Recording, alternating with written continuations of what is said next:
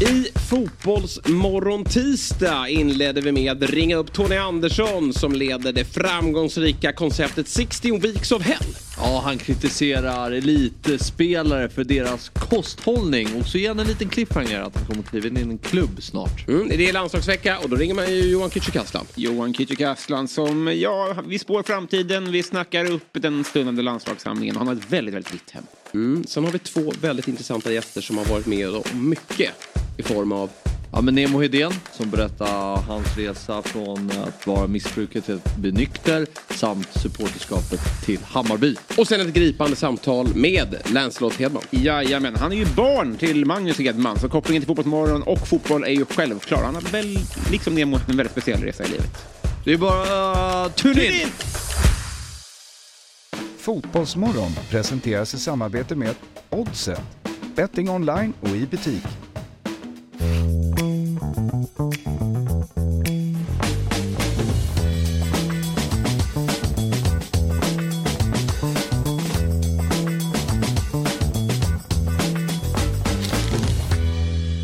Där säger vi god morgon och varmt välkomna till Fotbollsmorgon tisdag. Jag heter Jesper Hoffman och jag sitter såklart här med Fabian Ahlstrand Mm. och Robin Berglund. Hur mår vi mina herrar?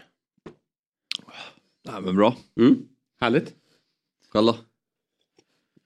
Jag är trött. Ja. Tuff helg. Det det. Men eh, nu är vi på benen igen. Ja. Ja, du, du fick ju eh, ett, eh, en dygns vila här. Ja, precis. Samla tankarna. Det var ju dock planerat att jag, så att inte folk tror att jag duckade Nej. derbytorsken. Men eh, nu blickar vi framåt. Ja. Mot ett landslagsuppehåll. som är väl det deppigaste på väldigt länge. Landslagsuppehållet? Ja, 23 år kanske. jag vet inte ens om jag orkar se de här två matcherna. Nej. Det kommer jag göra för att jag jobbar med det här. Precis. Men eh, landslaget känns totalt iskallt. Mm. Ja, nej, men det gör det faktiskt. Det känns... Um... Vilken Nej, alltså vinner vi mot Österrike finns det ändå hopp. Det är ändå så man får se det. Ja, Det är bara... det är rätt Det är inställning. bara att bita ihop. Mm. Mm. Ja, men, eh, det, Man det, frågar hur det ska gå till bara. Men eh, Precis. absolut. På vilken front är det liksom man ska se hopp till? Så här, du vet, man kollar liksom neråt i, i åldrarna så här. Jag tror det. Tror du säger, man tittar neråt i tabellen. Just det. Nej men om man kollar liksom på... Eh, man vill ju gärna gå dit. Så här, vi är dåliga nu men vi kommer. Det känns som att alla andra skandinaviska länder är ju, har ju bättre barn än vad vi har också. Ja, ja. Tränare och Absolut, bättre barn. underlag. Och... Ja, spädbarn är helt otroliga. Flyger ut. Till och med Island har ju, när det frågade Benediktsson om deras förutsättningar, om Ja. att de hade inomhus, så frågade jag om det var liksom om något konstgräs. Och han tittade bara, tyckte det var en jättedum fråga. Ja. Bara, det är klart det är inomhuskonstgräs. Ja. Jag menar, det existerar ju inte i Sverige. Hur många hallar har vi uppe i Stockholm som har det? det är Oh, Nacka, Sollentuna, Väsby, Bosön. Fru... Ropsten. ja, Rosten. Ja. Det är tältet i och för sig tänker jag på. Jaha, Hjorthagen där Ja, ja. just det. Mm. Det finns väl ett par så här, sjumannaplaner och sådär. Men om du tänker, tänker du elva manna nu eller? Nej, jag vet inte vad jag Nej. tänker. Eh, Ett tak över en konstgräsplan. Ja, Nej, men då finns det På Island det är det vanligaste vegetationen. Det är, det är vanligare än liksom utomhusgräs. Ja. Inomhuskonstgräs. Piss, piss, piss. Ja, verkligen. Det är, jag har siktet inställt på EM 28. Då vill jag vara med. Just det. För det är England. han har räknat bort VM redan. Ja, det är kört. Mm. Det är tokkört. Sen också så här, ja, när liksom, jag, jag, jag vet att jag reagerar för starkt, men jag, jag känner bara, jag tappar fullständigt hoppet när jag ser att Martin Olsson blir uttagen Mm. till ett landslag. Mm. Jag, jag tycker inte det är kul längre då. Liksom. Det, nej men det är, inte, det är inte, så kan man inte jobba som en förbundskapten. Nej. Att ta ut en, en, eh, en bänkad 35-åring eh, från allsvenskan. Vad, vad sänder det för signaler? Alltså, Vi har ju massa vänsterbackar nu som springer snabbt ut i Europa och, och gör det ganska bra. Alltså, jag vill eh, peka på Noah Persson. Jag såg att Gudmundsson fick 90 minuter mot Montpellier här för Lille. Eh, höll nollan. Eh, gjorde det förmodligen ganska bra. Spelat ytterligare någon match också. Han, han verkar eh, rotera med en annan vänsterback men får mycket speltid. Vi har Elias Andersson som gjorde det först bra i Allsvenskan. Nu är han i post, Le- Lech Poznan, gör det bra. Jag tycker Niklas Hult har varit en av Allsvenskans bästa vänsterbackar i, Elfsborg. Ja. Eh, Samuel Dahl, det fattar jag väl att man inte tar ut Samuel Dahl nu. Han har bara spelat några matcher. Men, men, Han är ju bättre. Eh, han är ju bättre. Han är bättre. Jo men han är bättre än Martin Olsson. Så det är... Ja, Det är symbolpolitik provo- också. Han Ja, kommer- Det är den tredje vänsterbacken eller vad det blir. Alltså du vet så här. men du vet att han, eh, han kommer starta. Just det. Han, så gjorde de sist mot Österrike också. precis. Ta sig in sent, han kliver förbi Sema. Han kommer aldrig våga spela Ken Sema där. Martin Olsson startar båda de här matcherna. ja, ja. Men jag vill minnas att Martin Olsson var, gjorde en okej insats ändå. Jo, Österrike- var det- absolut. ja. Ja, men det... det Men jag- jag håller ju med dig. ju det också. Och jag, jag, jag köper väl det till viss del, men var, liksom, det, är ju, det här landslaget har gått jäkligt trögt i två år. Mm. Som förbundskapten vill man inte skruva på saker, prova saker Mm. för att få en förbättring. Mm. Han gjorde det okej, man kanske vet vad man får. Sen vill jag ändå minnas på plats att jag tyckte att båda ytterbackarna var rätt svaga. Men eh, hur som helst, han gjorde det helt okej. Det var ingen man, man pekade på som någon syndabock i den matchen. Men, men man vill väl någonstans känna lite framtid. Och När är första matchen? Lördag 18.00 Estland. Ja. Ja, men det, det man ska komma ihåg ändå, alltså om man ska försvara förbundskaptenen lite, är ju att det är väldigt kort tid att få ihop någonting. Eh, taktiskt till exempel. Eh, sen, jag, jag tycker att det är fel att Martin Olsson är med, men de parametrarna finns ju där också. Eh, så man måste ändå ta hänsyn till. Ja, nej men det, och eh, sen, herregud, inte bara Janne, spelarna på plan också. Ja. Liksom eh, Isak sitter här och hyllar dig i, varenda jävla podd jag är med i. Mm. Kliv fram nu. Alltså ta tag i det här nu. Visa vem som är eh, Ja, Zlatan kommer ingen att bli igen, men, men visa vem som är en stjärna. Och, och, jag tycker Forsberg alltid gör det bra. Kulusevski lika så. Nu får du mycket speltid i Spurs. Nu är det dags att kliva fram som en, en ledarfigur i det här landslaget. Ja, ja. Så att, ja, vi, vi får se vad som... Men är han Sker. världens minst populistiska människa? Alltså det finns ju, jag tror Martin Olssons familj är tveksam till det här beslutet. Ja, man såg Elanga blev ju chockad igår när han fick frågan. Och då är de väldigt bra polare. Vad gör han? men ja, nej det är väl så. Och han, eh, men det är ju Southgate borta i England. Mm. Jobbar ju på samma sätt. Harry Maguire. Utskrattad av en hel fotbollsvärld. Han eh, Men- kommer till och med starta. Men om vi, så här, om vi försöker sätta oss in i Jannes huvud då. Mm. Varför tar han ut Martin Olsson? För han vet ju själv att Martin Olsson inte är den bästa vänsterbacken eller tredje bästa vänsterbacken vi har i, i, i landslaget. Alltså jag, jag, jag tror inte ens att han tycker att han är topp fem vän- vänsterbackar i allsvenskan. Nej, men han tycker väl att det är så få dagar att förbereda sig på. Mm. Han vet. Det måste han vara kan direktiven. Ja. Men, men hur, alltså alla är väl vänsterbackar någonstans. Och alla, hur svåra direktiv Ja, är det ja. på den här nivån? Ja. Alltså, Ja, det är ju högsta nivån, men Nej. hur svårt kan det vara? Nej, jag, Och han är en bra kille i gruppen, men ja, och då är de man... andra mördare eller? Vad? Liksom, de går väl också in i en, i en grupp? Ja. Men, Alltså, och det kan väl till och med vara fräscht att få in ett, ett, en ungt namn som tar lite fart på träningarna och, och ja, skapar en konkurrenssituation. Ja, det är ju någonstans förbundskaptenens uppgift eh, till stor del att kunna lösa bitarna på kort tid också. Ja. Och sen också lite så här, sätta lite press på dem. Alltså, eh, nu är inte Martin Olsson, han kommer inte vara med någon mer så att han skapar väl ingen. Men för Ludde Augustinsson, nu är inte han med och så kommer Noah Persson in och han är bra. Nu får du börja skärpa dig, annars tappar du den här platsen. Så sända den signalen också att nu, det finns faktiskt killar som, som knackar på utifrån. Sen, vad gör Kristoffer Nordfeldt i den här truppen? Det är, eh, måste, vara, måste vara på samma... I, I AIK diskuterar vi om han ska stå ens. Ja. Men Hade, så där kan det ju, nu utgår Nej, men men klart nu är det ju lite, nu är det ju, nu är det ju väldigt hårt. Nu är det ju ändå, äh, nu utgår det bara från Nej, men två, vi två, tre ändå- senaste matcherna, han har gjort två tavlor. Nej, han har inte varit bra i år, Kristoffer Nordfeldt. Nej. Det, det vill jag ändå säga. Han räddade AIK ganska många matcher i början av Henningsberg men då var det tydligen nya tränareffekten Alltså, det han som var väldigt saker. imponerande. Gör, han gör klart han gör bra, bra saker. Men jag tycker att det finns flera målvakter i Allsvenskan. Du kritiserade ju Axel när han pekade ut honom som Allsvenskans bästa målvakt. Han är ju Allsvenskans bästa Ja målvakt. men det Man är i allsvenska landslaget. bästa målet är svårt att ta ut eftersom att han inte är svensk. Ja men okej, Ja. men du tycker Nordfeldt är Sveriges bästa målvakt från Allsvenskan? Nej det sa jag inte men uh, just det den positionen, allsvensk bästa position som svensk. Eh, Där måste ju svaret vara Nordfeldt om han är med. ja, nej Mm, men Du tycker det? Men, Det tycker inte jag. det, det, det, det är alltid, den här är alltid diskussionen när det kommer till landslag. Alltså, om man ska gå på säkra gamla kort som vet vart eh, materialens dörr är. Ja, Typ, ja men alltså, precis. där det, det ska gå som ett eh, rinnande vatten, som Fabbe säger, kort förberedelsetid, bla bla bla. bla. Å andra sidan så vill man ju, framförallt pu- pu- publiken vill ju väldigt ofta få in så här, någon som är ute i Europa och som, alltså, som har gjort bra en match och sånt där. Det är ofta de två ytterligheterna som... Ja. Och känslan är att man själv som publik har väldigt, eftersom det är så ofta som förbundskaptener väljer att gå på det här säkra kortet. Mm. Ja, ja. Nej, att man så- själv underskattar hur viktigt det är. För annars skulle de inte ta det beslutet. Nej, nej, men så är det. Och, alltså, jag tycker att en stomme måste vara där. Jag tycker till exempel att det är givet att Albin Ekdal är där trots att det är lite strulighet och att han nu spelar Serie B och ja, men strul med, med skador och annat. Men, men eh, jag tycker han är, är given i en anslagstrupp för att han, han bidrar till en elva. Men de här som vi pratar om till 15 till 23 man. Där tycker jag faktiskt att det kan vara bra att ha lite hungriga unga spelare som, som dels kan vara med och, och, och faktiskt spela redan nu men också som eh, är en del av en framtid. Ja, absolut. Det Hur håller, många jag- det håller är jag helt med om. Augustinsson är borta. Ja, han är ju skadad nu ja, och Kristoffer Olsson är skadad. Ja, det är stom, ja, det är stomme, Ja, antar jag. Mm. Ja, Augustinsson har ju dock, hur mycket har han spelat på slutet? Alltså i landslaget har, även, har det även varit problem där. Ja. För honom. Men han är väl etta om han är hel. Ja, det, det ska han ju vara. Ja. Det ska han ju vara. Och det tycker jag att han ska vara. Men, eh, han, Men, men kan ni köpa att man då fyller på med stomme? nej. Nej. Det, det, jag, jag, jag köper Ja. det du säger, men det, det, känns som att det är det Janne gör. Ja. Om man tar in Martin. Och undrar, undrar. Han, Men också så här med Martin Olsson. Han sa ju för en vecka sedan han tog ut truppen att han har spelat för lite nu. Mm. Och så fick han en 90 minuter mot Göteborg. Och då ska han plötsligt, då har han spelat tillräckligt. För det måste han ju mena. ja, precis. Om han tar det beslutet. Fan, blir han uttagen om han inte gör det målet, tror ni? Ja, Ja, det var, Janne såg ju Discovery-klippet. Nej, det ringer Martin. Bra Martin! Ja, verkligen. Visst är det. Nej, men det, visst blir den intressant nu, Ken Seba mot Olsson här.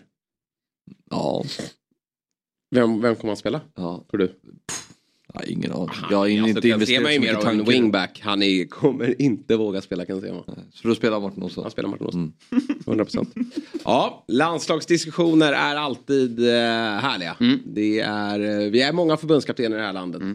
Men det är bara en som får säga sitt och det är Jan Andersson. Eh, vi ska faktiskt inleda med att ringa upp en gäst. Eller vi har inlett med en landslagsdiskussion. Mm. Men nu ska vi ta oss an första gästen. Och vi har många gäster idag. Verkligen. En, eh, två som kommer till studion och så eh, som vanligt då några på länk. Men i gårdagens program ju, så tog vi ett snack med IFK Göteborgs väldigt sympatiske målvakt eh, Adam Benediktsson. Han delade då med sig av sina udda och fantastiska matchdagsrutiner. Och det här har vi inte kunnat släppa såklart. Och därför har vi med oss mannen bakom det extrema träningsprogrammet 16 Weeks of Hell. Vi säger god morgon och varmt välkommen då Tony Andersson. Tack så mycket! Härligt. Trevligt att få vara med. Ja, jättekul att ha dig med. Vi gör så här att vi börjar med att kika på det vi eh, såg igår när Adam gästade oss. Har du några ritualer? går efter bara hur långt, ba- hur långt ifrån match du ville få. Två år. Ja, två- 24 timmar. 24 timmar. Eh, jag, jag tar alltid en... Eh, jag tar alltid kyck, kyckling, eh, kycklingsallad. Kyckling och pastasallad. Två dagar innan. Dag innan äter jag helst någon pizza eller någonting. Eh, sen dag på match. Jag sover alltid, aldrig mer än åtta timmar. Nej, Helst så, och helst så sent som möjligt. Mhm, så sent som möjligt. Ja, jag, jag gillar att vakna fyra timmar innan match. Men okej, om det... Kvällsmatch, då, då vill Så- du få vara på dagen då? Vad sa du? Om det är matchstart eh, 20.30, då vill du helst vakna 16.30 efter åtta timmars sömn. Det måste ju vara jätteknepigt. Då går du alltså och lägger dig vid åtta På, på morgonen. på, på, några, några, gånger fun, några gånger funkar inte, men det är, det är hur jag känner mig mest klar för att spela. Det är optimalt. Mhm. Men då är du vaken på natten då rimligen? Ja, ja om, om vi spelar hemma då somnar jag ungefär två, tre kanske. Får inte berätta det här för tränaren tror jag. Ja, Tony, vad, jag vet inte var vi ska börja. Vi får väl göra som så att vi tar kycklingsalladen då. Två dagar innan match. Eh, kycklingsallad låter ju som ett bra koncept men, men ger någon effekt om man börjar med det två dagar innan match? Ja, det blir en, eh, du, du är inne på rätt spår. Vart ska man ens börja med att analysera allting han säger? Det är, det det är väl mer, mer tragiskt att en eh, allsvensk fotbollsspelare har så dålig koll på kosthållning. Och tyvärr är han nog inte ensam. Jag, jag tror att det ser ut så här jag har med, under många års tid hävdat att om du tar bort de eh, tre, fyra vassaste i varje lag när det gäller kosthållning så är resterande i stort sett alla lag en eh, mer eller mindre katastrof. Och det, det visar han ju tyvärr här. Ja det är så. Eh, För, vad är värst då? Är det kycklingsalladen eller pizzan? Nej, det är väl i, i grund och botten är det väl eh, att man inte riktigt har koll på vad, vad, hur saker och ting funkar, hur kroppen funkar, vad man behöver äta, kolhydratsladdning och så vidare. Det är väl inget fel att käka en kycklingsallad två dagar innan, men inte i någon, något syfte att eh, maximera någon effekt till någon match. Inte. Men kycklingsallad i sig, det kan han väl äta varje dag. Men om du skulle hjälpa Adam här, vad skulle vara den optimala uppladdningen? Ja, men till att börja med skulle jag kanske ändra kosthållning för merparten av eh, våra fotbollsspelare som eh, mer eller mindre knarkar kolhydrater i, i överflöd. Många skulle må bra av att äta betydligt mer eh, protein och fett och eh, balansera upp det med kolhydrater i rätt mängd.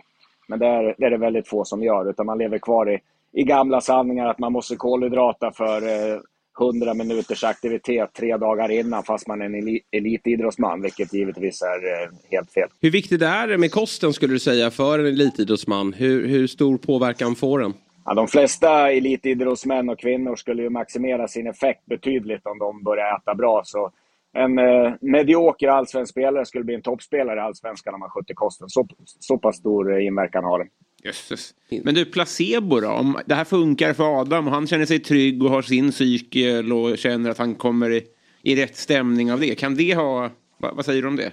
Alltså placebo är ju fantastiskt. Den är, det är ju en bevisad effekt, så den ska man absolut inte nonchalera. Så, så länge Adam inte har koll på vad han gör så ska han göra det han litar på. Det kommer att ge mer effekt än att börja göra någonting annat. Men det är det jag är inne på, att eh, de flesta de vet ju inte riktigt vad de gör eller varför de gör det. Och sen funkar det helt okej ändå. Men ska han ha full effekt av sitt idrottande och full effekt av sin karriär, då bör han ju titta över sina kostrutiner och kanske lära sig lite hur kroppen fungerar. Men hur kan det vara så här att spelare och eh, ja, men elitidrottsmän har så dålig koll på sin kosthållning? Ja, det beror ju på mycket traditioner. Fotbollen är ju trots allt världens mäktigaste och rikaste idrott, men det finns ingen tradition av att eh, sköta kosten, utan man lever kvar i att vi tränar så mycket, vi kan äta vad vi vill. Och det är gamla spelare som blir tränare och det är gamla spelare och tränare som blir, eh, eh sitter på ledande positioner inom fotbollen. Så, så länge inte de tränare, ledare och klubbar ändrar det här så kommer ju inte 20-22-åriga grabbar att helt plötsligt vakna upp en dag och inse att kosten är fantastiskt viktig. Utan det handlar ju om de i ledande positioner som inte tycker att det är viktigt. Men borde inte klubbarna ta det här på allvar? då? Vet du om det finns någon klubb här i Allsvenskan som, som har någon kostrådgivare i laget? Till att börja med så borde klubbarna verkligen göra det. Och, men jag törs inte svara på hur, hur bra de gör det. Men vi kan ju konstatera att gång på gång när man hör spelare uttala sig så gör de det inte speciellt bra. Och med den insyn jag trots allt fortfarande har i fotboll så påstår jag att det finns inget lag som gör det fullt ut. Och det laget som beslutar sig att göra det fullt ut kommer att få en eh, enorm fördel gentemot de andra lagen. Hade du varit sugen på att kliva in och rådgiva inom kost eh, för fotbollsspelare? Och klubbar? Och, oj vad det kliar i fingrarna, det kan du vara lugn för. Ja, det är så. Vad spännande. Eh, Hjälper du någon annan? Hjälper någon i- elitidrottsman idag? Ja, vi har eh, tre stycken fotbollsspelare på högsta nivån inom Europa och USA som eh, tar vår hjälp just nu. Men eh, de eh, väljer att vara, icke vara offentliga just nu för de orkar inte med snacket som de får från vissa på grund av att de väljer att ta hjälp i en sån här sak. Spännande. Angående klippet jag såg här, det jag reagerade på, jag kan ingenting om någonting, men det är ju sömnen då. Att han väljer att sova eh, hellre dagtid eh, för att få vakna fyra timmar innan match. Det är liksom överordnat. Ja, det, den, den är minst sagt intressant. Jag vet inte riktigt hur jag ska analysera den utan att vara elak. Men det är, han får väl gå på placebo om han tycker att det funkar bra. Så. Men att vara vaken i stort sett hela natten innan match, det kan inte vara någon framgångsrecept. Det måste vara så jobbigt att kasta runt tiderna på dagarna sådär. I synnerhet när det också är andra målvakt som Adam är. Det, det är ju få matcher han får spela. Nu fick han ju spela här men, men annars har det ju varit ganska lite speltid för honom. Ja. Och då måste det vara väldigt jobbigt att, att motivera sig till det här kan jag tänka mig. Ja, men det är ju, för, för kroppen är det ju en katastrof att behöva en, ändra sömncykeln på det där sättet för att man fått för sig att man ska sova vaken hela natten. Det, men som sagt, tror han på det så... Men vad säger det om hans grundtalang då, om det tar honom ända hit? Hur Ja, bra den är han? Den är brutal. Den, den är brutal givetvis. Det är, så är det. Så han skulle kunna bli ännu bättre om han börjar få ordning på saker och ting. Men jag säger det återigen, han är, han är långt ifrån ensam. Jag tror du kan hitta många allsvenska spelare som ligger på ungefär samma nivå av kunskap som han gör.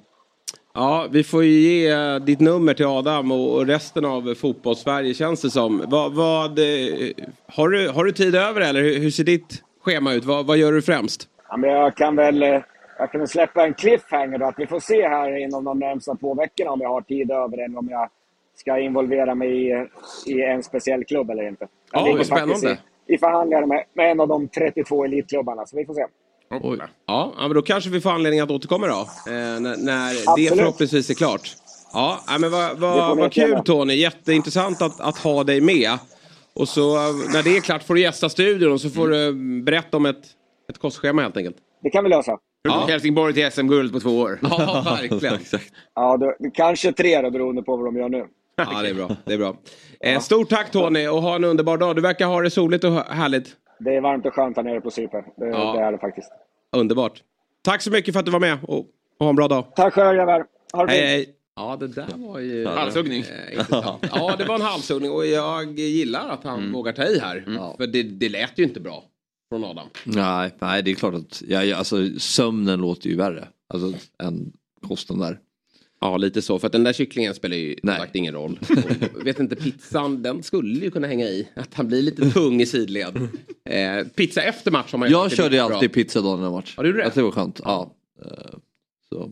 Det vågade jag inte Ja. säga till Tony men det gjorde jag. Nej, jag vågar inte säga någonting Tony. Och Tänk om du hade kontaktat Tony. Ja, ja. Då hade du inte suttit Nej, där. precis. Då hade det blivit lite bättre. Mm. Hej! Jesper Hoffman från Dobb här. Jag vill tipsa om att FBL Sverige nu finns som podcast helt fritt där poddar finns. Vi spelar in ett nytt avsnitt varje vecka inför den kommande gameweeken med våra bästa råd hur du ska lyckas som manager. Så när du har lyssnat klart på Fotbollsmorgon och vill höra mer om Fantasy Premier League så finns FBL Sverige helt fritt där poddar finns. Nytt avsnitt varje tisdag. Ett poddtips från Podplay. I fallen jag aldrig glömmer djupdyker Hasse Aro i arbetet bakom några av Sveriges mest uppseendeväckande brottsutredningar.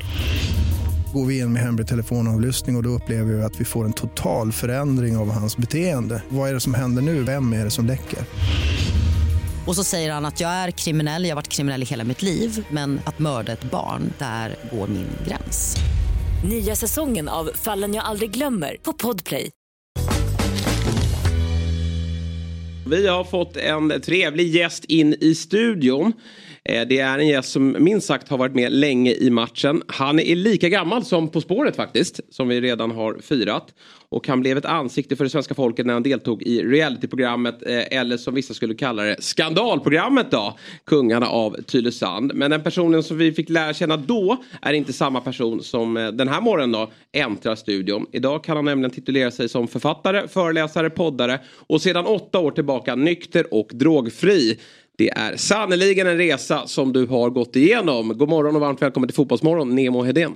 Tack, tack, tack. Vilken fin och eh, utförlig presentation. Ja, vi brukar jobba fram sådana. Jag ska inte ta åt mig äran. Det är redaktionen som är skickliga på att skriva ihop det där. Men det är ju en fantastisk resa. Vad är, vad är du... Jag antar att det är sistnämnda, nykter och drogfri, som du är mest stolt över. Ja, det, det får man väl säga. Eh, Mina barn också. Det vore ju ta- taskigt om jag utelämnade dem kanske. Bra. det är en parentes bara i Ja, historien. exakt, ja. Nej, men det, det är mycket jag är stolt över. Men eh, nästan mest stolt över att vara här. Det är väl... Mm. Ja, Nej, kul det, det, det är väldigt kul att vara här. Och det är liksom... Det är mycket som har hänt, men det är... Det är Ibland behöver man ju påminna sig själv om vad som har hänt. Mm. Jag, alltså, för mig är det här ett annat liv. Liksom. Så när du räknar upp det känns det som ja just det, det har varit sådär också. Så Mm. Det är ju väldigt, eh, det är mycket som har hänt. Du, eh, vi frågar alltid våra gäster om relationen till fotboll. Och alla våra gäster har ju inte eh, liksom, särskilt stark relation till fotboll. Utan det är många som eh, knappt vet vad det är. Vi... Vad är det för människor? Ja, men det, verkligen. Så kan man, det kan man ifrågasätta. men det gäller ju inte dig. Utan det är ett brinnande fotbollsintresse hos dig. Ja, det är väl det. Jag har haft säsongsplåt för Bayern i nästan 25 år. Ja. Eh, 22 år tror jag. Någonting. Och det är, ju, det är ju vad det är. Bayern är ju ett lag som är... Ja, vad ska man säga? Det är, man är jävligt härdad, eller luttrad genom åren av, av det här eh, intresset för Bayern. För det går ju upp och ner liksom. Som alla supporterskap, men det är inte som att hålla på liksom Barcelona direkt. Eh, men jag är väldigt, väldigt passionerad supporter. Jag försöker gå på alla hemmamatcher. Även eh, blir vi ungefär 4-5 stycken bortamatcher per år också. Så att, eh, jag, det började med, väldigt tidigt. Jag, jag satt på pappas axlar på Söderstadion back in the days mycket. Och jag var även ihop med Lasse Erikssons dotter. Oj! Ja, det har vi. Guldhjälten. Kuriosa, ja, ja. visst, visst, visst. Så det var ju verkligen så här, där, var ju, där fick intresset en skjuts liksom.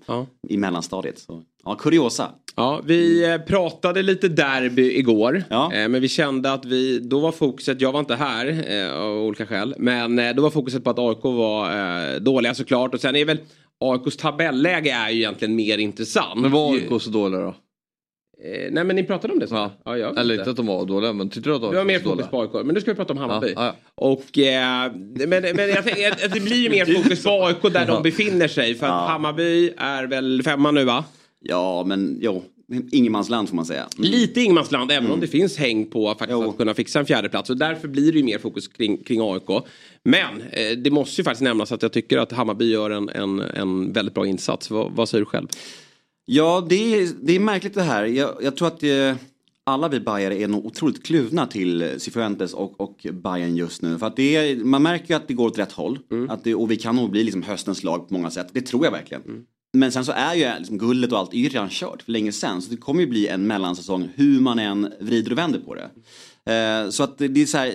Skulle du fråga mig och liksom gemene bajare om man vill ha Cifuentes kvar så tror jag att det liksom är 50-50 där. Mm, det är det fortfarande. Jättesvårt att svara på. Jag vet inte heller. Jag vet inte heller. Han har ju liksom en, en eh, Alltså det finns ju någonting i hans eh, grundidé, det här med, med possession-fotboll, att man vill hålla bollen och det är jättebra liksom. Men det är också så här, han har haft väldigt svårt att vända matcher, han har haft väldigt svårt att alltså, få ut någonting av chanserna vi skapar och så. Men det kan ju lika gärna ha att göra med vårt material. Så att jag, jag tror så här, ge han ett fönster till där han får ta in kanske sina spelare och någon giftigare, giftigare striker, då kanske det blir skitbra. Men, men Matchen, derbyt var bra och det är liksom, flera spelare går åt rätt håll och jag känner att det är, liksom, det är intressant där vi är på väg men det är fortfarande så här, det är ju en floppsäsong. Hur man än vrider och vänder på det. Vi har väl typ näst dyrast trupp. Vi skulle ut i Europa, vi skulle ta guld. Nu ligger vi femma, Europa är kört och liksom, ah, jag vet inte. Jag är Nej. kluven alltså. Det finns ju två läger där. En, en del som kritiserar Marti att han borde göra bättre med truppen medan andra, vilket jag tror jag ändå eh, lutar mig mot, är att Jesper Jansson inte riktigt fått ihop den truppen där det ska vara en förväntansbild på, att, eh, på att de tar guld. Samtidigt har man ju, som du säger, ekonomiskt så kanske det är en trupp som verkligen ska utmana om guldet för att det är en av de dyraste trupperna. Men när man ser spelare för spelare så kanske det inte riktigt är den nivån. Men du, eh, står någonstans mitt emellan där eller? Det kändes som lite panik där när Ludvigsson, Bojanic och JC, eller JC, alltså när de lämnade allihopa. Det blev lite panik då i Bayern och då blev det mycket värvningar kändes det som, som inte var så genomtänkta. Eh, och det kan man väl förstå. Alltså han hade, Jeppe hade väl panik att, att fylla upp truppen men då blir det också som det blir. Att det blir liksom ett litet havsverk och mycket chansningar och inte alls ihopspelad trupp. Och på bekostnad av ja, Euro- Europaspel och guldchans. Tyvärr. Men hur mycket ska det landa i Martif? Känns det som att det är ett klubbbeslut det här med den här generationsväxlingen som gör Mm. att man ska satsa på yngre spelare för man, det kan liksom innebära högre transferintäkter. Alltså, Men det mycket- tror jag är en efterhandskonstruktion. Ja, jo det är klart för att det är, man har ju fortfarande, jag säger inte, man har ju fortfarande värvat etablerat Mm. och så dyra värvningar men det är ändå nu ser vi ändå många, nu ser man ju frukten av det. Så Mm. Många unga som ändå är bärande spelare i Hammarby som är från de egna leden. Ja, men alltså vi, man är superstolt över Rabi och Marcus Karlsson och de här som verkligen har tagit plats nu och, och gör det bra. Men det känns som att den här utsagda eh, satsningen de yngre blev liksom en efterhandskonstruktion när vi började floppa. Att från, I början av säsongen så var det inte utsagt att vara det. Då var det så här, nu ska vi, vi ska ta guld, vi ska, vi ska ut i Europa, vi ska det. Men så började liksom säsongen gå åt helvete. Då var det bara så här, Nja, fast vi ska satsa lite på de yngre. Man bara, ah, okej, mm, det passar så bra nu liksom. Eh, Så jag vet inte, jag är lite kluven till det. Men jag är, man är ju glad över att, att, att de visar så mycket framfötter. De yngre. Sen tycker jag att det, vad Marti behöver utveckla det är ju faktiskt resultaten mot de bättre lagen. Där är ju Hammarby väldigt svaga. Det är ju väldigt få trepoängare. Man ser ju sällan Hammarby slå de som ligger topp fyra. Nu är ju inte, AIK har ju tidigare varit ett topplag men det är man ju definitivt inte nu. Så det handlar ju om att på bortaplan kunna åka ner och ta tre poängare mot de här bättre Stod lagen. Elfsborg hemma. Va? Stod Norrköping hemma. Ja men det är, ja Elfsborg är ju stryka men jag tänker bortaplan. Det är ju hur många segrar har de senaste åren mot de bättre lagen. Mm, ja, men det är nästan större problem med det här med vända matcher. Ja. Alltså vår vändning nu mot AIK var den första matchen Marti vände i Bayern. Det är helt sjukt. Ja. På ett och ett halvt år, Ja, hur lång det- tid är det? ja. Det är vansinnigt. Så det är, jag tycker att det är ett större problem och det får vi se om det vänder nu kanske. Det kanske gör det och då, då är man ju förlåtande. Man, är, man är väldigt förlåtande som supporter när det börjar gå bra igen. Du som har varit med länge i Bayernled, vad säger du om förvandlingen som klubb då? För att när du började gå då var det ju ändå mantrat skit i tabellen, Bayern är bäst ändå. Vilket ju någonstans är härligt och klacksparkar och sådär. Sen förstår jag att man alltid vill vinna. Men nu är det ju en tydligare identitet där man verkligen man vill gå för det. Man pratar om att det, det ska vara topp tre och man ska ta det där andra SM-guldet och så ska det gärna fyllas på. Hur eh, ser du på den förvandlingen som Hammarby har? Det, det är väl en liten identitetskris kanske. Alltså vissa av de här äldre Bajarna tycker jag att det ska vara fortfarande så här lite som du beskriver, klackspark och så. Men, men alltså, fan, det är ju en resultatsport. Vi vill ju alla vinna liksom. Det är, det är, det är naivt att säga något annat. Men sen så är det också svårt. Alltså jag, man vill ju spela rolig fotboll och vinna och det går ju inte riktigt att få det. Alltså AIK vann väl ett SM-guld på att vinna med 1-0 varje match. Det var ganska nyligen liksom. Och det är klart att det är roligare med SM-guld att vinna så än att inte vinna alls. Även om man hellre vill intala sig att åh, man vill både och. Men jag vet inte, det är, det är en svår fråga och då får du nog fråga fler Bayern än mig för att få ett bra svar på det tror jag. Mm. Vad är din favoritupplaga av Hammarby då? Är det, är det en sån här säsong du minns tillbaka på med, med värme? Nej, men jag, jag tycker jag saknar ju typ Kennedy varje dag. För Han var liksom alltid ett på något sätt. Han, och han var verkligen så här, han var en sån som, han var en ledare, han var en väldigt duktig fotbollsspelare och han var också liksom folkets spelare. Han kom ut på ja, men Charles Dickens efter matcherna och hängde där liksom. Han var alla de här typerna som jag beskriver i ett. Alltså Fredrik Hammar är ju fantastisk för att han är, kommer till Dickens efter och hänger med, hänger med oss. Liksom så här. Men, men Kennedy var ju alltid där i ett. Han var ju poängspelare, han var ju ledare, han var ju folkets kille också. Han, var, alltså, han, hade, han, han hade varit i Bayern och tagit, kommit hem från Europaäventyret, dragit upp oss ur Superettan typ på egen hand. Gjorde väl 15 plus 13 i Superettan. Alltså du vet, det är, så- och det är sådana spelare, nu frågade du om upplaga, men jag saknar mest honom. Alltså det känns som att han var så jävla mycket för oss. Mm. Ja, han är ju svår att ersätta även om jag tycker Besara gör ett, ett eh, bra försök. I alla fall poängmässigt då. Men, Ja, men kanske det. inte på samma sätt då den här ledaren som... Nej, men det, det, blir svårt, var. det blir svårt att utveckla samma känslor liksom. För, för det blir, det blir, han är ju han är också en personlighet som man tycker mycket om. Alltså, han var ju liksom allt och då blir det liksom starkare på något sätt. Nahir eh, gör mycket poäng och fina frisparkar och det all heder åt det. Ja.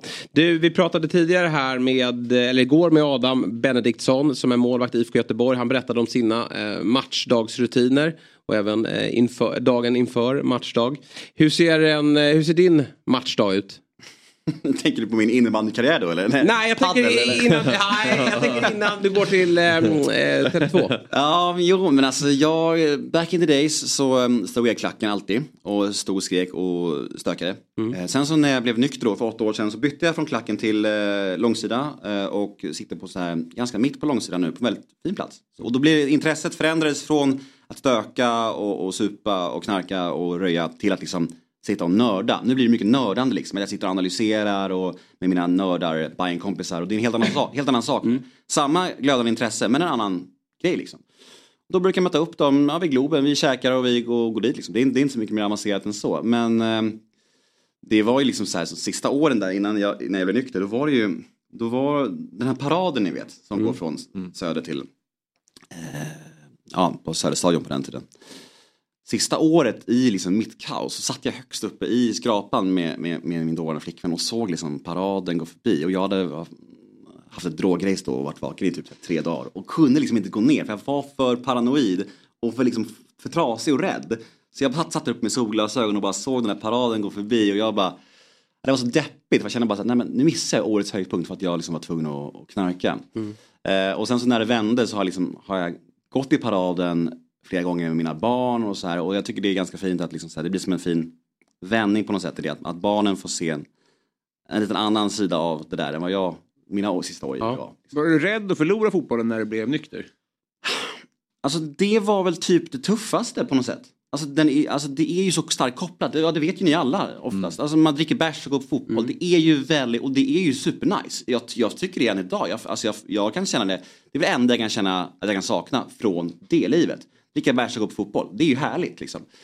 Eh, men det blev liksom en uppoffring jag fick göra som var viktig för mig för att liksom ta mig igenom det. Eh, det handlar mycket, ska man göra en sån livsförändring så måste man göra vissa uppoffringar, annars går det inte. Jag kan inte stå i klacken med mina knarkarkompisar och bara säga nu, nu är jag nykter, dag ett här, ni får knarka, jag kör på här. Det skulle inte gå, då skulle jag halka dit. Så vissa uppoffringar fick jag göra och det, men jag kände nog aldrig att jag skulle förlora intresset för att Bayern för mig började ju så långt tidigare än när jag började supa och sådär. Mm. Det går ju som barnsben. Det är också så här, farsan var ju medlem i Weeping Willows ju. Som ett Bayern-band får man Ja. säga. Mm. Så att när, när de åkte upp där och säkrade si- sitt enda guld tror jag, Sundsvall borta 2001, flygresan upp. Då fick ju farsan och bandet flyga med, med Bayern. Och farsan fick ta med en unge, tog med min brorsa då. Så jag fick inte flyga. Kennedy var i, cock-. Kennedy var i cockpit för han var flygrädd. Ja. Där klassiska bilder då. Åkte upp och säkrade guldet. Jag fick inte vara med. Så det är så här, också så här, en pil som sitter i mig för evigt. Ja, det förstår jag. Men jag fick vara med på den här festen på Ja, med, det med är... det sen. Hur gammal var du då? Då var du 14? Ja, nej, jag söp inte Det är än. ändå en bra ålder att få... Jag var ju med när AIK vann guld 98. L- Lite tidigt kan jag tycka. Hur gammal var du då? 12. Mm. Eh, men när man är liksom 14-15 där, det hinner ändra mycket och att man ja, lite mer närvarande. Liksom. Vi tackar dig så jättemycket Nemo. Tack. tack. Kul att ha dig här och lycka till med, med podden och författandet och allting. Ja, tack. hörni. Jättetrevligt. Ha det bra. Ha det bra. Hej.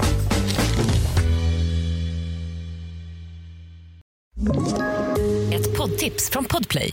I podden Något Kaiko garanterar östgötarna Brutti och jag, Davva, dig en stor dos skratt. Där följer jag pladask för köttätandet igen. Man är lite som en jävla vampyr. Man har fått lite blodsmak och då måste man ha mer. Udda spaningar, fängslande anekdoter och en och annan arg rant. Jag måste ha mitt kaffe på morgonen för annars är jag ingen trevlig människa. Då är du ingen trevlig människa, punkt. Något Kaiko, hör du på Podplay. Därför är gardinerna. Då eh, är det som så hörni att vi har fått in dagens eh, sista gäst. Då. Förra veckan så hade vi ju hans pappa här. Han är ju sympatisk och mysig men frågan är ändå om inte hans grabb är ännu mer älskvärd. En bättre version av Magnus helt enkelt. Multibegåvad dessutom. I sina tidiga år hade han en karriär inom thaiboxning men har på senare år valt att sadla om, lägga boxningen bakom sig och satsa på musikkarriären.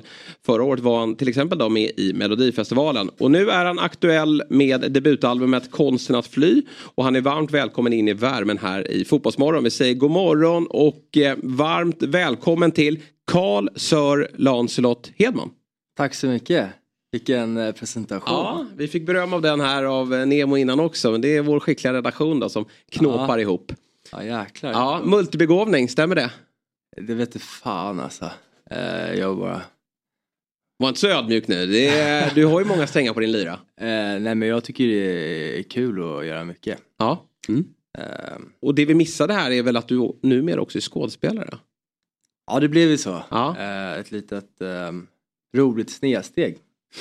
eh, Alltså? Blev det. Men jag hade precis skrivit klart min, eh, min platta så jag hade skrivit massa musik till, till andra människor så jag var helt mentalt slutkörd i musik liksom. Eh, och så ringde de och frågade vad vill du göra en sån här provfilmning och, och jag sa varför inte? Ja. Man vill inte ångra sig på dödsbädden. Nej. Det är rätt trist. Mm. Fan jag borde gjort det där. Eh, nej men så det är kul. Vem är det du spelar i, i Gyllene Tider-filmen? Det är Anders Herlin Mm. som spelar bas. Just det. Eh, så han eh, ska jag gestalta. Mm.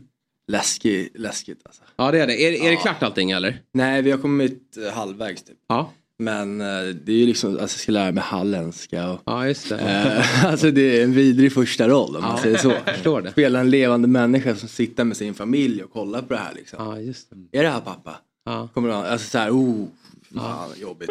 Men vilken Men grej. Och det är lite speciell. eh, Robin du berättade för mig att den här Gyllene Tider-filmen har en speciell eh, uppsättning. Alltså, du får gärna hjälpa med här, men det är ju Ja. det är mycket kändisbarn.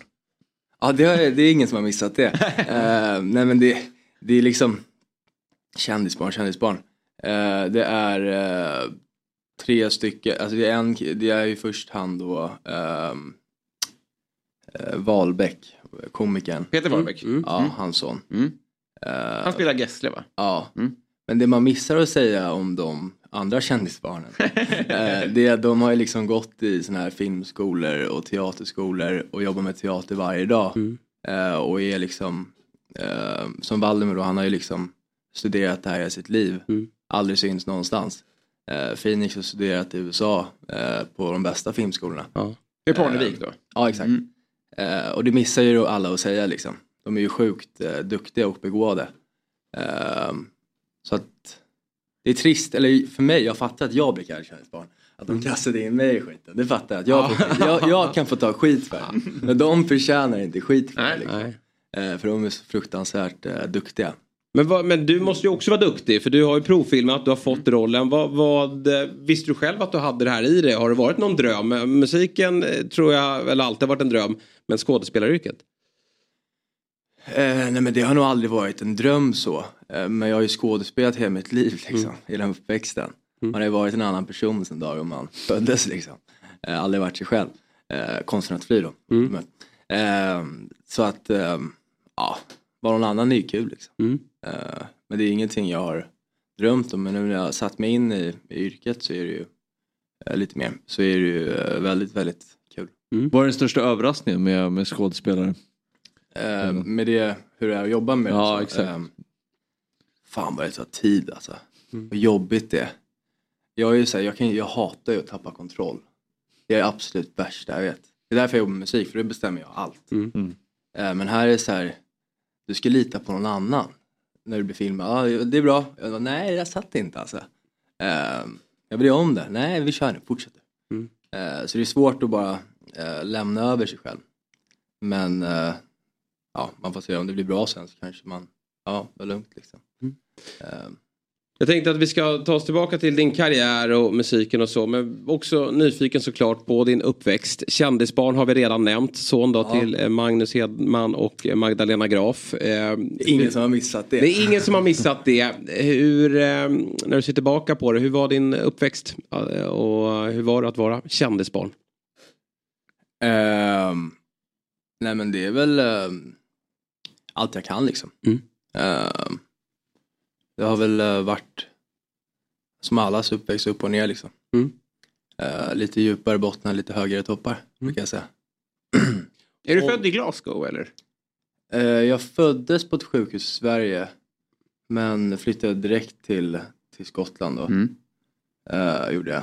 Så bodde jag i England till jag var, eller i Skottland och England och där. Till att jag var eh, 8-9. Kom hem till Sverige, vi kunde inte ett ord på svenska. Nej. Eh, Vad det kunde ingen svenska alls. Pratar ni inte svenska hemma? Uppenbarligen inte. Dålig inlärningsförmåga. Nej men så att eh, det är lite märkligt. Men så kom, kom jag hit och började svenskskola då när jag var åtta typ. Du, eh, din bror Tristan spelar fotboll Ja, fortfarande. Eh, din pappa väldigt eh, framgångsrik, eh, landslagsmålvakt och många fina klubbar. Hur såg din egna fotbollskarriär ut? Eh, nej men ja, bra alltså. Eh, skulle jag säga. Mm. Eh, det säger väl alla som har spelat fotboll. Att man skulle Ja, bli men vi, det kan vi ändå Eh, tro på när du säger att du är Robin bra. För du har ju, vara du har ju ja, när Robin säger det så vet vi att... Eh, och även Fabbe. Men eh, du har ju ändå ganska bra gener här får man säga. Och du vet vad som är bra också. Alltså, Ja. eh, jag antar att liksom, Nej, jag- kravbilden har varit ganska hög. Jag spelade ju i AIKs akademi och sådär. Mm. ehm, under lång tid. Eh, och så kom det till en punkt när jag var utspelare. Ehm, och sen var det bara en träning så här så bara, men fan hoppa in i målet. Eh, eller så var det match. Jo det var match, Falkenberg var det. Mm. Den här jättestora kuppen, vad fan den heter. Är Gothia eller? Nej, det är någon stor. Nej men hade du mötte Falkenberg. Jag vet att han är i Göteborg. Dig liksom. Men det var i Falkenberg? Ja, i Falkenberg. En stor Ja. fotbollsturnering. Ehm, Och så var, mötte vi PAOK tror jag. Ett så här grekiskt lag. Bara hoppa in i målet. Ehm, och sen efter den matchen så sa de antingen är du målvakt i AIK nu eller så får du flytta ner till andra laget. Oj. Ehm, så, de, så jag var tydligen väldigt, väldigt bra i mål. Det var ju det sista jag ville. Ja. Bli som pappa liksom. Ja. Det vill man inte bli. Nej okej. Ehm, så att ehm, Då fick du nog. Ja, nej, men då blir det så konstig stämning liksom. Jag får spela kvar med en målvakt, inte som utspelare. Eh, Så då la jag av. Ja. Vad sa pappa då? Eh, ja, han var liksom, han har aldrig liksom varit på som Nej. fotbollen. Nej. Vilket har varit rätt skönt. Mm. Eh, Kände du att det var jobbigt att vara Hedmans son genom alla år när du spelade fotboll? Ehm. Att det är en, för det har man ju hört många eh, unga spelare, eller unga spelare, spelare överhuvudtaget som, Ja. som har haft en, en eh, mamma eller pappa som har varit väldigt duktig. Att det, det är en annan förväntansbild från omgivningen. Ja, nej men det gav nog en press alltså. Mm. Eh, och om jag inte tänkte på den så låg den nog ändå där med, undermedvetet liksom. Mm. Eh, det var ju liksom varje gång man var på Skytteholm. Mm. Uh, ja, det här är ju Hedmans grabb liksom. Mm. Eh, men, ja. Hur ser din relation ut i fotboll idag? Är du intresserad? Följer du liksom matcher och så eller har du släppt det helt och hållet? Jag är, eh, följer Chelsea, Ja. punkt och prick liksom. Men bortsett från det, jag har någon kärlek till Chelsea för någon anledning. Inte, är det sen pappa var där eller dessförinnan? Nej, nej, pappa där, då var jag ju liksom åtta. Ja. Ehm, så att det var då kärleken eh, kom liksom. Mm. Eh, så jag har följt dem. Liksom, pappa blir så fortfarande, för jag hatar ju fotboll. Mm. Alltså, så här, inte hatar, men det är ett starkt ord. Men jag, jag tycker, bortsett från att kolla Chelsea, så tycker jag det är rätt trist alltså. Ja. Eh, Det är liksom en rutin i mitt liv. Jag följer dem hårt. Ehm, Det måste vara väldigt ovanligt att hata fotboll. Ja men exakt, det är jättemärkligt. Nej, men det har blivit någon rutin som bara har följt med att jag ska alltid kolla Chelsea. Vad jag än är i världen, vad jag än gör. Fint så ändå. ska jag inte missa det. Ja. Eh, och det har varit rätt tufft nu senaste tiden. Mm. Det har liksom varit hårt mentalt på mig att följa dem Ja. skarpt och prikt. Mm. Eh, jobbigt har det varit. Eh, förstört mina dagar har det gjort. Eh, det har inte gått så bra. Som ni vet. Nej, det har varit lite småkämp. Eh, Framförallt från vad Chelsea har varit då, ett lag som har vunnit Champions League Ja. och, och ligatitlar så är det ju en ombyggnad eh, av, av klubben just nu. Så det, det kan jag tänka mig att eh, när man är van att vinna saker. Det finns ju olika typer av supportrar. Det finns ju de som håller på lag som aldrig vinner något. Men i, i Chelseas fall så är det ju ett lag som eh, Abramovic klev in som eh, har en kravbild att vinna mycket. Liksom. Ja, jo. Mm. Men du, vad minns du från tiden när pappa var där då? Har du några, så här, har du några minnen? Du är åtta år gammal bara men, men eh, Mourinho vet vi fick ju en fin kontakt med Magnus. Ja. Eh, minns du något från honom? Eh, nej men Chelsea minns jag mycket av. Mm. Det var ändå en sån ålder man liksom man börjar få mänskliga liksom sinnen. Mm. Typ, eh, börjar bli medveten. Eh, så att den tiden, det var ju liksom det ju guldtiden av Chelsea liksom. Mm. Iron Robben, Didier Drogba, Mhm. Mourinho. Ja, det var det, liksom, coolt- det var en coolt sån här gäng. helt brutal Ja. eh, line-up. Sean Wright Phillips, Mm. han var duktig under den tiden, snabb. Ehm, nej, men så jag, jag hängde ju mycket där på, eh, på klubben liksom. Mm. Eh, jag minns det bara som en dröm nästan. Ja. Man sprang runt i omklädningsrummet och det var liksom, det var coolt. Ja, jag förstår det. Ja. Mäktigt att vara så nära. Du, om vi fortsätter då med din karriär. Sen blev det thaiboxning och du har ju provat på många olika saker. Och, och nu så kommer du ju då med debutalbumet Konsten att fly. Är det en flykt du har varit ute på? livet? Ehm, Att du testar olika vägar och... Nej, alltså så här att jag har gjort mycket så här. ehm, det ska jag inte säga att jag har gjort. Det är många som säger att jag, fan vad du har gjort mycket i 23. Men å andra sidan så har jag liksom bara, det enda som är varför man tycker att jag har gjort mycket det är för att allt jag har gjort har stått i en tidning liksom. Eh, så egentligen har jag inte gjort så jävla mycket. Jag körde lite thaiboxning när jag var 17, gjorde lite matcher och, och så. Ehm, sen började jag med musik liksom. Ja. Ehm, men det är bara att uh, media har varit bra på att ta allt man har gjort. Och det har också gjort att man eh, har satt sig en otrolig eh, press liksom. Med allt man har gjort. Sekunden jag gjorde min första match i thaiboxning, jag hade tränat i tre månader. Då var det helt plötsligt liksom en första sida på Aftonbladet. Var det jobbigt eller? Ja, det var jobbigt. Ehm, för då är det så här, den sporten är liksom så. Folk har ju stått i källare i tio år liksom. Och blivit slagna. Mm. Och aldrig fått liksom um, någonting rubriker? för det. Nej. Eh, Jag tränade i Thailand i två månader och får första rubrik om, jag tror de skrev till och med, han kommer bli världsmästare. Ja. Det var så här, vad fan säger Jag kan tänka mig en sån sport också, det måste vara ganska mycket eh, motivation till den man möter. Alltså, Om de eh, stått och kämpat i massa år så kommer ett kändisbarn här och, och ska gå upp i kamp. Exakt. Extra Nej, men sugna så, på tvåla så när jag kom till en klubb i Stockholm efter att ha varit i Thailand, vet, så här, det var inte bra stämning. Eh, så. Eh, det var därför jag slutade, inte därför jag slutade, jag tröttnade också. Men eh, det blev ju liksom, där blev det press. Eh, när man körde. Eh, så. Men så att eh, det är liksom, jag gjorde det och sen så när jag var 17 började jag med musik och höll på med det. Och där har du också bra gener då. Din, din mamma har ju varit eh, tidigare artist också. Eh, och blir, det- det blir också press. Att, att leverera. Eh, dels för att du är ett kändisbarn. Men du har varit med i Melodifestivalen, nu släpper du album. Du måste väl ändå känna av den också?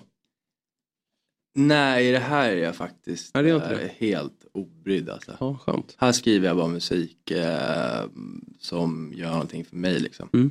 Eh, så det här är jag faktiskt helt liksom, I don't give a fuck. Ja. Eh, så. Måste ändå vara en skön känsla. Ja, den är skön. Men eh, den... Eh, jag tror bara när man känner att man själv har liksom landat och man själv känner att man gör någonting man brinner för och älskar. Så är det rätt lugnt. Mm. Thaiboxning var ändå så här en liten grej så här i bakhuvudet. Ja, det är lite coolt att höra på med det här. Mm. Det var liksom inte fullt för mig själv. Det var mycket för det yttre. Liksom. Ja, jag fattar. Eh, men det här gör jag liksom bara för att det ger mig inre lugn. Liksom. Men både när du beskriver fotbollen och thaiboxningen så låter det som att du har en väldigt eh, Ja, en lite en, en tråkig bild av offentligheten och press utifrån och att folk har tankar om det man gör. Har det slagit dig att du vill att du skulle, alltså nu fattar jag att du brinner för musiken och att det Ja. väger över kan jag tänka mig då. Men har du övervägt att bara eh, jobba på lager istället?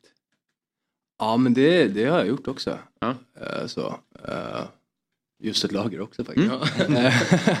Nej men jag, jag har ju liksom, nu har inte jag, efter att jag var med i, Melodifestivalen då, att jag var med där var mycket för, eh, jag hade supit bort alla mina cash. Behövde en snabb eh, summa pengar liksom.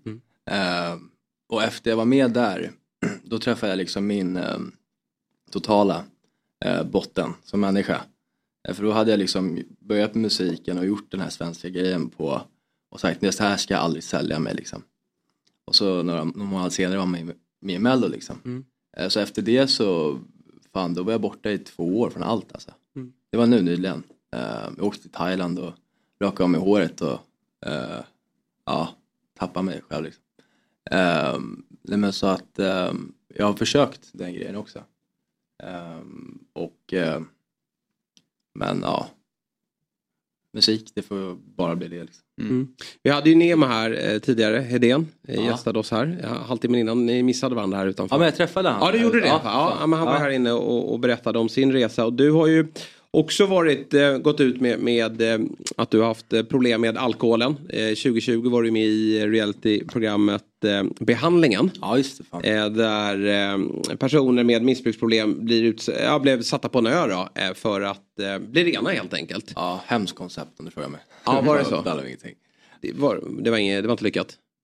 Nej men det jag känner nu när man, nu har jag ändå liksom vaknat upp lite i huvudet liksom och är Mm. eh, så. Men man plockar liksom fem människor som är i ett pågående beroende liksom. Eh, och är totalt, jag kan knappt ta på mig kallingar själv liksom. Eh, där jag var i huvudet då. Eh, och sen ger de en jävligt stor summa pengar för att sitta på en ö i 20 dagar och prata. Eh, det tycker jag är ett helt sinnessjukt koncept. Ja. Och att någon, alltså, jag tycker det är liksom, man spelar på folks svagheter på ett sätt som är fult och äckligt liksom. Att ta liksom, eh, jag vill inte säga någon namn, men att ta vissa av de personerna. Eh, och sen så här, jag ska ju stå för allting jag har sagt där. När jag liksom precis kommer från och är på en avtändning. Då ska jag sitta och prata för svenska folket. Att det ens är accepterat i svensk Ja. liksom. För att de satt här på ett produktionskontor någonstans och bara, det här är bra. Mm. Ja, och, Det precis. det och sen gotta sig lite i också så här, det här blir bra tv, det här ska vi nå Ja men med. så här, eh, göra tv på folks misär liksom. Eh, någonting som så här, hade kunnat ta död på mig. Jag har varit, hållit på att vara död flertal gånger före. det. Ja. Och det ska de spela med och folk sitter och äter popcorn och kollar på det. Mm. Liksom. Ja, det är Eh. Men så här, en sak om det var nu när man har fått vakna till i huvudet och det har gått ett tag liksom, sen man var där. Mm. När plocka en i liksom hetluften när man är som värst. Jag tycker det är sjukt alltså. Har ni pratat vid efteråt, ni som deltog i det här och delar de din uppfattning av programmet också eller? Nej, jag har inte pratat med någon från Nej. produktionen. Jag vet att de vann en Kristallen eh, och frågade om jag ville komma dit. Men nej, inte mer än det. Jag tror att de vinner Kristallen. När kom du till insikt med det här? Eller kände du det redan där att det här är konstig tv? Eh, jag kände det ehm, ja, alltså i början när jag började få tillbaks livet liksom. Om man inte var där nere. Man började komma upp lite. Så slog det mig bara, jag hade helt glömt bort att jag hade varit med i skiten till det. Ehm, så uh, pigg i huvudet var man liksom. Ja. Hur mår du idag? Hur går det med, för det, Nemo berättade, han ville att vi skulle ställa frågan, din pappa har ju också gått igenom eh, de, de här eh, problemen men, men tagit sig ut på andra sidan. Hur, hur går det för dig? Ehm, nej men det är, det är livet liksom. Mm. Ehm, jag försöker att inte tänka så mycket, jag bara tar sekund för sekund liksom. Mm. Ehm, men det går bra. Mm. Gör det ändå. Mm. Du känner att du är på en, på en bra plats i, i livet just nu? Ja. Ja. Jag, tror att man, jag tror att det som har gjort mest är att man kommer till insikt med att man aldrig kommer må riktigt bra. Liksom. Mm. Jag tror att när man har den visionen att, och drömmen och tror att det går att bara vara helt perfekt och allt ska vara grymt liksom. Då är det tufft. Man får, man får må dåligt? Ja exakt. När den insikten kommer så tror jag att då är det chill. Liksom. Ja. Men eh, förlåt, den, den här eh, lite speciella relationen till fotboll.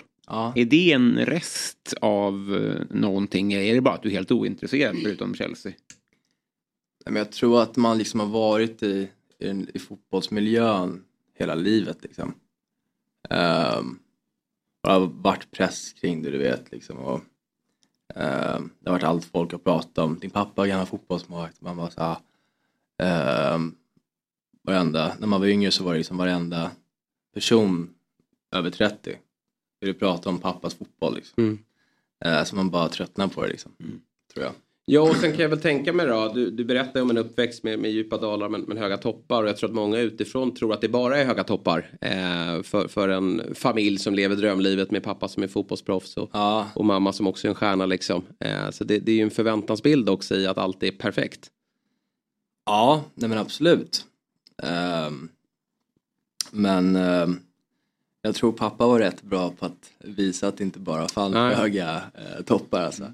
Han hade ju ändå 73 första sidor på ett år Mm. på Aftonbladet med negativi- negativitet. Mm. Eh, så jag tror att han eh, var rätt bra på att visa att Dalarna fanns. Liksom. Men det var ju Var det, var det jobbigt eller kände du att det någonstans var lite befriande att det kom till ytan? När det, Det? när det skedde liksom. Ja. Eh, det var sjukt jobbigt. Jag gick i, eh, i fjärde klass, Mm. bodde i en liten by. Pappa stod på första sidan utanför ICA, Pressbyrån och Coop liksom varje dag. Eh, och fick man höra det i skolan liksom. Känslig ålder. Mm, jag förstår det verkligen. Eh, så då gick jag alltid och plockade ner de här jävla till ICA innan skolan varje morgon. Mm. Drog ner alla eh, första sidor. Tog eh, Aftonbladets bunten som hade kommit med tidigt. Stoppade den under liksom. Alltså det var en jobbig grej. Var det. Eh, ja. Mm, alltså om man tittar på ditt debutalbum här nu då, Konsten att fly. Så ser man ju lite i liksom, tematiken i låttitlarna är ju, vittnar ju om, om ångest. Alltså mörkret är min bästa vän, förlåt, blod på mina händer. Ja. Vad kan du säga om musiken du har skapat här? Eh, nej men det är, det är liksom, eh, det är bara känslor liksom. Starka känslor jag har inom mig. Eh, och det, det är enklare att skriva om mörka saker. Mm. Eh, för någon anledning. Eh, och då blir det sådana här mörka låtar liksom. Ja. Eh, men vem vet, det kanske blir glada låtar nästa platta. Ja, du är ung och har hela karriären Ja, framför exakt. dig. Hur ser din relation ut med pappa och Tristan också som vi har varit lite nyfikna på honom. Borde ju, han borde ju Han också borde gästa här. han- det är han som ska vara med. Jag är liksom det här är otroligt. svarta fåret i familjen. Nej, nej, nej. Han, är, han är ändå med i fotbolls... eh, Ja, hur, hur är- ser kontakten ut med, med Tristan då och hur går det för honom? Men det, den är bra. Eh, Det är ju svårt liksom när han bor, eh, flyttar runt hela tiden. Så. Mm. Ehm, men jag är så här, sjukt stolt storbrorsa och imponerad framförallt. Um, han har ju inte tränat på länge som helst. Sen helt plötsligt bodde han i Italien och spelade i Monza. Mm. Och var bäst i laget liksom. Ehm, det är ju coolt liksom. Ehm, Verkligen. Man blir stolt. Ja det förstår jag. Och ni har som sagt bra relation idag. Ja men det är ju så här, det är svårt. Båda har ju våra liv du vet och eh, fullt upp. Han bor i Skåne nu och ja, det blir Mycket så gott fotboll. man kan liksom. Ja, jag fattar. Så. Ja, du, eh, jätteintressant att, att höra din resa. Svensk fotboll, den följer du inte särskilt nära då. Jag tänker AIK-kopplingen där. Sen är du väl god vän med Hampus Findell också har jag förstått som. Ja, Hampus är ju, vi är ju barndomsvänner liksom. Ja. Eh, Han går ju väldigt starkt. han gör det? Ja, det gör han. Jag är ju... Nej, härligt att du inte har så bra koll. Han är Chelsea. Ja, Exakt. Snart kanske. Då hade jag haft koll. Ja, då hade du haft Eh, nej men eh, svensk fotboll, jag har aldrig riktigt ehm, ehm, fastnat på det. Nej. Eh, sen gillar man ju AIK. Ja. Skulle någon fråga så är man ju AIK. Liksom. Ja. Tror du att Helsingborg spelar i Allsvenskan? Ja men det gör de. Så bra. Ja. Nej. Har de gått ner? Ja, de, är, de håller på att åka ur till division 1 faktiskt. Skojar du? Ja. Och nästa år kan vi ställa den frågan på AIK. Tror du AIK spelar i Allsvenskan? De spelar inte? Nej, Helsingborg åkte ur förra året. Men de nu var ju hetast när jag var Ja, yngre. ja, ja, De var grymma när jag var Ja, yngre. Henke Larsson och... Ja. Superbefriande det här. Det var inte meningen att sätta dit dig. Nej men det, det är bra, sätt dit mig. Ja, det är härligt att eh, det är distans då till... Ja det, det är det verkligen. Ja. Men du, vad intressant att ha dig här. Mm. Alltså väldigt eh, intressant att höra om din, din resa och, och um, härligt att höra att du är på en bättre plats då än vad du kanske har varit då tidigare år. Då. Eh, och att eh, musiken nu som släpps, eh, den går att ta del av såklart på Spotify. Men kommer du att turné, åka ut på turné också? Ja men det blir efter den här ehm, ehm, filmgrejen. Så blir det en liten turné. Eh, och sen är det lite så här. eh, har jag lite gig nu uh, närmast tiden. Ja. Man får checka in min Insta så har man koll. Där följer man dig bäst då? Ja. Lancelot Hedman. Lancelot Hedman. Ja. Heter jag Lancelot Hedman? Ja, bra. Vad heter jag? ja, ja, men, underbart. Då följer vi dig där och sen när släpps filmen då? Eh, den kommer innan nästa sommar. Ja. Fy fan. Mm. Är du, då kommer du vara nervös? Alltså, det så här, jag ska sitta och prata halländska och mina vänner ska kolla på det utan att skratta. Ja. Det, det, är, det är svårt. Är. Jag tror ju att en multibegåvning som du kommer att fixa det alldeles utmärkt. så att jag, jag ser fram emot filmen och Gyllene Tider. Det är jag som är ointresserad av musik. Den, de har till och med jag koll på.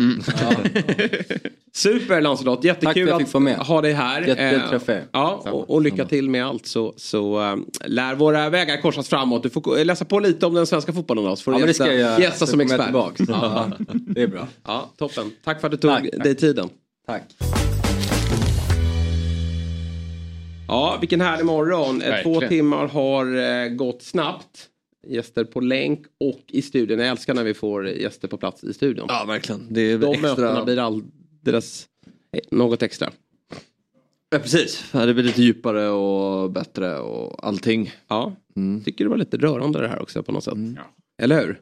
Ja, jag, jag, jag visste inte vad, vad som väntade. Men Nej. jag blev väldigt Ja, positivt men, överraskad. mm, ja, verkligen så. Verkligen så. Bra hörni, imorgon är det onsdag. Eh, och det innebär? Frikebrant är Ja, tillbaka. Branten från Friken Ja. som man inte riktigt har koll på. Men eh, ja, Tillsammans med Elsa. Lingo där. Med Elsa. Och?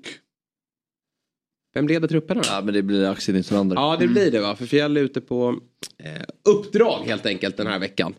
Vi vill också slå ett slag för Big Six. Som du berömde mig för. Att det var ett väldigt bra avsnitt igår Ja, tycker det du. tycker jag verkligen. I, ehm, jag, jag, jag, utan att så här, dra in några andra produktioner så är det imponerande att göra en så initierad podd om Premier League där ingen hejar på ett lag. Nej. Det måste ju vara väldigt ovanligt tror jag om du ser dem till hela världen. Eh, och det är, jag som inte heller gör det så är det väldigt behagligt. Vad drygt av mig att säga. Big Six, vad tyckte du? Säg det, Du snälla, berömde du sa andra. Nej, det var inte meningen. Jag vill ju bara att fler ska ta del Ja, men det tycker jag, det rekommenderar folk jag vet. Vad tror du krävs för att Fabbe ska eh, hoppa på tåget? Ja, ni... Pengar. Ja. Ja, kanske. Jag får pröjsa dig för varje avsnitt. Och att du ska säga något snällt, då kostar det eh, ytterligare lite Nej, men jag frågade dig förra veckan och ehm, Om ni tittade på alla matcher, det gjorde ni inte. Då Ja, det blir svårt att hinna se alla. Men alla, alla vi tar upp. 8 av 10 tycker jag du ska kolla. Nej, det gör jag inte. Nej. Men jag ser topplagen. Jag ser topplagen, ja det gör jag. Gör jag. Då kanske jag Mm. ett försök. Nej, men, och, och vi tar inte upp en match som, nu såg jag i friden, Everton, Sheffield United. Den Mm. kunde vi lagt ner mer tid på för den såg jag. Men eh, jag har ju tyvärr, vilket jag hatar, Familj. lite, ja. Nej men du ska ha koll på allsvenskan också så det är... Ja, men det är ett Stockholmsderby Mm. och Ja, eh, det är krävande. Men en av oss, alltså Björn ser ju allt. Han sitter ju på Viaplays Mm. redaktion och ser allt. Så där känner jag mig trygg. Och ibland... Och det, det, är värsta, nej, men det jag hatar är inte min familj utan det, det jag hatar är övningen att se matcher efterhand. Och det, Mm, ja, men det är är, ju men- inte kul alltså. Nej. Men jag tar mig igenom det med en liten form av snabbspolning. Mm. Ja men det, det får man, måste man ju göra. Ja, Big Six alltså eh, ja, finns men- där poddar finns. Ja. Och släpper ett nytt avsnitt på eh, torsdag och sen måndag, torsdag, måndag, torsdag. Det är så vi jobbar där helt enkelt. Bra! Härligt mina herrar. Väldigt Vi härligt. säger så för idag. Och så ses vi imorgon 07.00 igen. Fotbollsmorgon presenteras i samarbete med Oddset. Betting online och i butik. Thank you.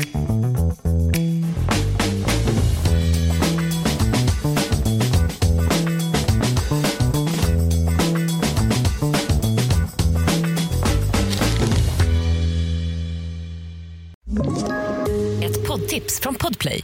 I podden Något Kaiko garanterar östgötarna Brutti och jag, Davva, dig en stor dos skratt. Där följer jag pladask för köttätandet igen. Man är lite som en jävla vampyr. Man har fått lite blodsmak och då måste man ha mer. Udda spaningar, fängslande anekdoter och en och annan arg rant. Jag måste ha mitt kaffe på morgonen för annars är jag ingen trevlig människa. Då är du ingen trevlig människa, punkt. Något Kaiko, hör du på Podplay. Därför arkadeinerna.